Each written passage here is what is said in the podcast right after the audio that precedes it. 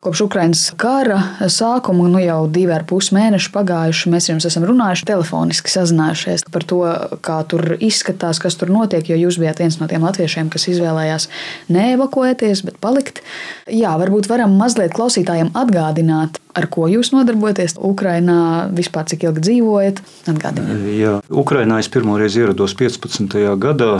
Tāda Laiks bija ļoti interesants. Tajā laikā, kad tika novāktas barikādas, es to tieši redzēju, kā barikādas tika vāktas nost, kā tika atjaunota pilsēta, laukums, viss. Kā valsts atgriezās parastajās sliedēs. Es ierados, jo Ukrainā sākās izglītības projekts, tieši tālmācības izglītība, kā paralēla izglītības forma, leģitīma un akreditēta forma, kas līdz tam Ukrainā nebija. Process bija ļoti interesants, grūts, Kas man pirmais pārsteidza, tas bija. Nu, protams, valsts iestādes ir valsts iestādes, šis process ir smagnējs un, un ilgs, bet sabiedrība bija ļoti atvērta jaunajam, ja atvērta kaut kam nepierastam un īstenībā ne tieši šajā jomā, bet visās jomās. Tas bija ļoti līdzīgi kā Latvija pēc atmodas laika. Latvijā parādījās ļoti daudz jaunas formas, iestādes, darbības forma, uzņēmēja darbība, kultūras pasākumi. Sabiedrība bija ļoti atvērta visam jaunajam, gan no rietumiem, gan austrumiem, gan visu kā. Un tas pats notika Ukrajinā, un valsts ļoti strauji attīstījās. Paralēli visam šim, vai jūs jutāt, vai sabiedrībā, vai sarunās to, ka nu, tās pašas valsts austrumos notiek uh, konflikts, vai, vai to kaut kā ikdienā varēja sajust?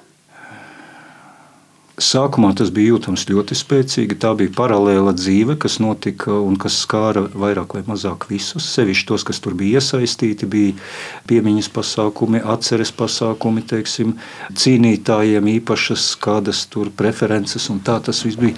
Bet bija viens tāds moments, kad tas kļuva ierasts. Tas kļuva ierasts, jo valsts ir liela.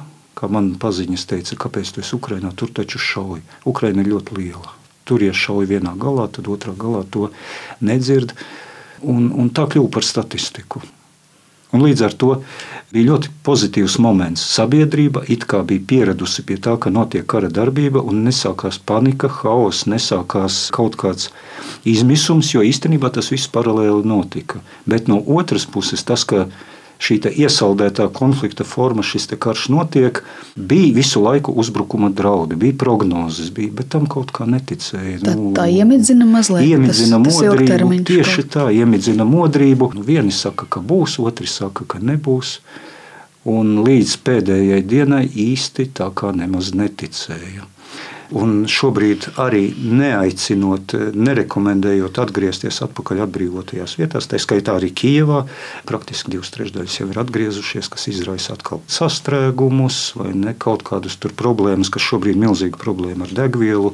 Es jau pat tā kā rīt no rīta braucu atpakaļ, sāku mazliet baidīties par to. Ļoti, ļoti, ļoti sarežģīti. Tad cilvēki parādās ielās, bet ir kaut kā jāsalīdzina arī tie indikatori, kā jūs tagad atšķirat, cik ļoti atšķiras tā dzīve pirms 24. februāra un tagad Kijavā, galvaspilsētā? Kara trešajā dienā jau bija sajūta, ka tas ilgst eh, gadu un vairāk. Pilnīgi tā bija absolūti cita dzīve, jo slēgts ir viss. Izklaides iestādes, parki, ceļi, tas viss kļūst nepieejams. Primārais kļūst pārtikas iegāde, komunikācija un, protams, jaunumi, jaunumi, jaunumi kaut kur notiek kaut kas redzams vai dzirdams, kāds uzlidojums vai kara darbība vai kaut kāda cīņas troksnis, uzreiz ziņās mēģina apskatīties, kas tur īsti notiek. Un arī mans rajons kļuva praktiski tukšs. Visi bija izbraukuši, un tie, kas palika, Nu, palika apmēram viens no simts cilvēkiem kaut kur tālu. Tie, kas palika, sāka pašorganizēties teritoriālās aizsardzības vienības, eh, izveidojās teiksim, atbildīgie par atsevišķām kāpņu telpām, par atsevišķām mājām. Eh, un kaut kur otrajā nedēļā jau bija izstrādājusies kaut kāda jau tāda informācijas plūsma. Valdības informācija, pašvaldības informācija, mikrorajona informācija, pārsvarā telegram vai viber kanāli un arī pašas mājas informācija, kurā kāpņu telpā, kurš ir apga veicis apgaitu, vai nav uzlaustu dzīvokļu pēdas, pārbauda jumtus, vai tur nav kāds staigājis. Vai nav kaut kur kādā dzīvoklī dzirdamas dzīvnieku vai cilvēku, teiksim, kaut kāds nu, palīgās saucieni. Tādas iedzīvotāju patruļas. Patruļas, tad cilvēki prot organizēties ārkārtas situācijās, un ļoti tas ir tā pozitīvi un izsauc uzticību sabiedrībai. Mazliet parunājot par izglītību vispār, kā jūs, kā tieši iesaistīties šajā jomā, vērtēt, kas šobrīd notiek ar izglītību. Jo skaidrs, ka daudzas skolas ir iznīcinātas. Tāpat arī iepriekš runājām, ka daudz bērni, kas devušies bēgļu gaitās, noteikti meklē iespējas, kā tomēr vēl mācīties tālmācībā, bet tajā Ukrainas izglītības sistēmā. Un jūs stāstījāt arī, ka pirms mēneša desmitkāršojies tas pieprasījums pēc izglītības no iedzīvotāju puses dažādās vietās. Kas ir šobrīd jau pēc diviem mēnešiem? Šī situācija pierādīja to, ka tālmācība kā forma, ne tikai kā attālinātais darbs, tālmācība, šīs te informatīvo tehnoloģiju iespējas ir ļoti vērtīgas jebkurā situācijā, un e, varbūt viņas nav, netiek līdz galam izmantotas. Pirmkārt, e, ne visiem, ne visām ģimenēm un ne visiem bērniem ir iespēja apmaksāt mācības. Pārējiem Ukraiņas milzīgam skaitam, par cik tur 5 miljoni, ja nemaldos, tagad ir jau pār, pārvietojušies teiksim, no savām ierastajām vietām. Ne visiem bija nu, skolu apmeklēt, jau praktiski nebija nevienam vairs iespējas. Tāpēc mēs sākām meklēt ceļus, kā palīdzēt, e, turpināt izglītību, nu, vismaz pabeigt mācību gadu, vai, ja nevar pabeigt mācību gadu, tad vismaz iegūt zināšanas, lai šo mācību gadu varētu pabeigt savās skolās piešķīrām bezmaksas pieeju tiem visiem, kas vēlās tā saucamo demo pieeju e, mācību materiālam. Visi bērni, kas vēlējās, visi varēja patstāvīgi pieslēgties un mācīties, apgūt savas klases e, vielu. Mēs arī izsniedzām izziņas ar domu, ka būs lielākais vairums skolu, kas šīs izziņas pieņems, e, uzrakstot, kas ir apgūts kādā līmenī, jo uzskaiti mēs veicām.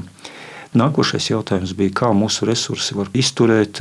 Mums bija 10,000 skolēni, mēs rēķinājāmies līdz 50,000. Kļuva jau virs 50,000, nu, jau kļuva smagāk. Tad mēs e, nodibinājām sakars ar Amazon servisiem.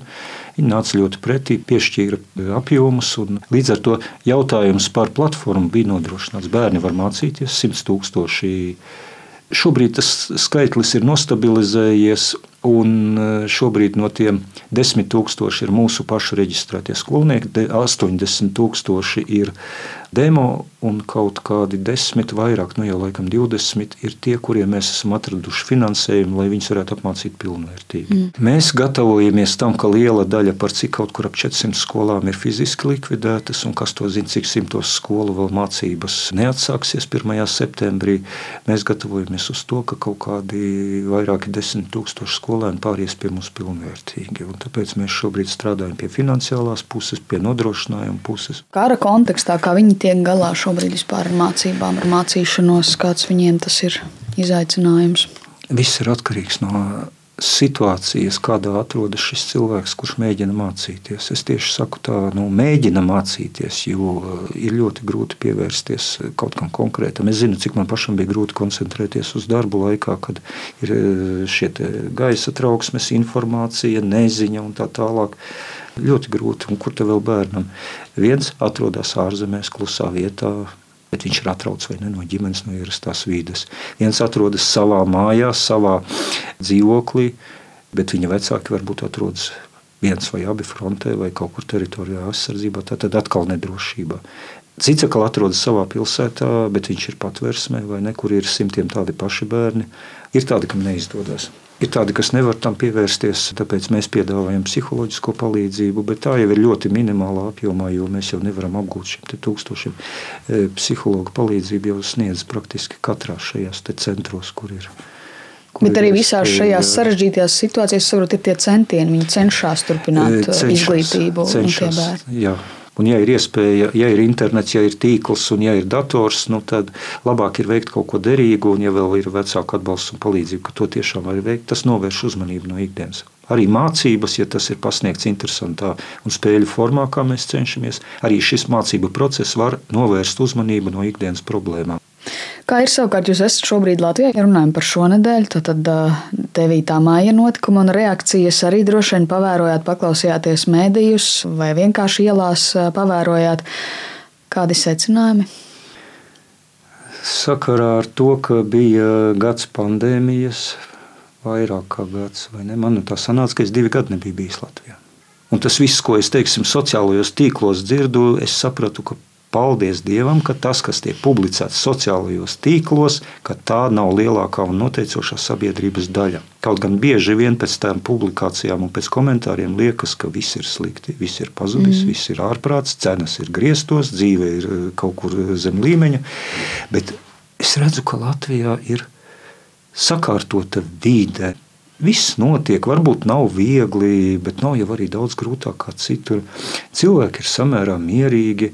Pa nakti nevarēja gulēt visu laiku, lēc augšā. Domāju, ka kaut kur kaut kas atskan tā uzreiz, nu, kā, var, kā var būt tik mierīgi. Bet ir arī, ko es redzu, kas man personīgi nepatīk. Es neesmu politiķis, es neesmu varbūt kaut kāds um, analītiķis, bet tas, ko es personīgi redzu, tas ir ļoti liela tāda inerta attieksme pret notikumiem, tiem, kas ir varbūt par valsti, par attīstību, par sirdī par, par izaugsmi, par e, attiecību, par šo te, šīm te vērtībām, uz kurām tomēr iet Eiropa, kuri sirdī ir par, bet pie tā nestrādā. Ļoti apolitiska sabiedrība. Un otrs ir atkal e, otrā galējība. Tā ir tik liela, es nebiju domājis, ka tik liela sabiedrības daļa dzīvojot šeit. Ar sirdi un dvēseli ir kaut kur aizmugurē, tur lielā brāļa apskāvienos un sapņo visu laiku par to, lai šeit atgrieztos tas, kam atgriezties nevajadzētu. Tuvojoties 9. maijam, šī pieminekļa, uzvaras pieminekļa kontekstā, rīcība, teiksim, pie pieminekļa, nu labi, 9. maija ir 9. maija. Es tā, huh, labi, ka nekas tur traks nenotika, un labi, ka nebija tik plašs, kā bija gaidīts. Bet šis desmitais maijs ir pilnīgs, atklāts naids.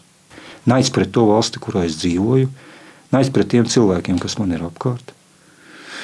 Nu, es negribētu sevišķi politizēt šo lietu, bet iebraucot Latvijā, man ir bail atstāt mašīnu stāvvietā, jo tur ir Ukraiņu numuri. Man ap māju asfalts ir apzīmēts ar e, šīm e, zeķu svastikām. Atklāt sakot, e, tā vien gribās. Tā vien gribās. Bet tāda vilšanās tomēr negaidījāt. Tā nav vilšanās. Tā ir tāda nu, nevarības apziņa. Jo jebkura, jebkura šī kustība ātri pārvēršas histērijā. Histēriska neiecietība pret nacionālismu, vai arī histērisks nacionālisms un neiecietība pret citu. Ko nozīmē tautas sašķelšana? Tautas sašķelšana īstenībā notiek eh, aiz bezdarbības. Šī gadiem, desmitiem ilgā cīņa par valsts valodas izmantošanu, par pamatiedzīvotājiem vai nepamatiedzīvotājiem, par šiem komunisma simbolikas un vispār komunisma pamantojumu. Nav konkrētības. Ja runā konkrētāk, tad man tomēr eh, mazliet sāpina valsts iedzīvotāju labākās manā izpratnē daļas inertums.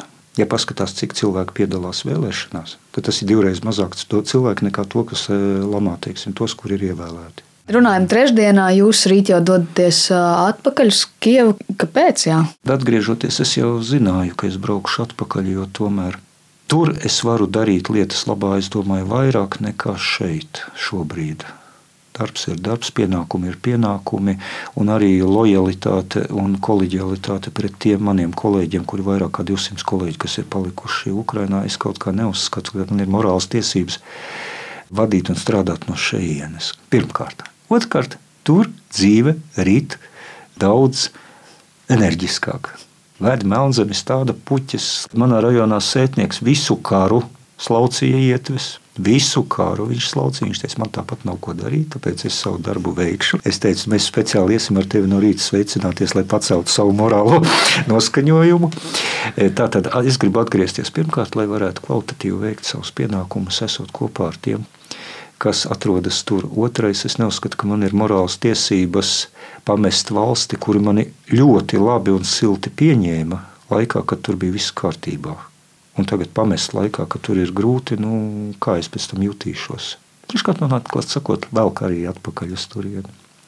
Bet es ļoti baidos, kas būs ar šo te, kā būs brauciens, jo esot diezgan smagi tagad tikt Ukrainā iekšā, grūti rindas un ar degvielu, ar visu. Bet viss būs labi.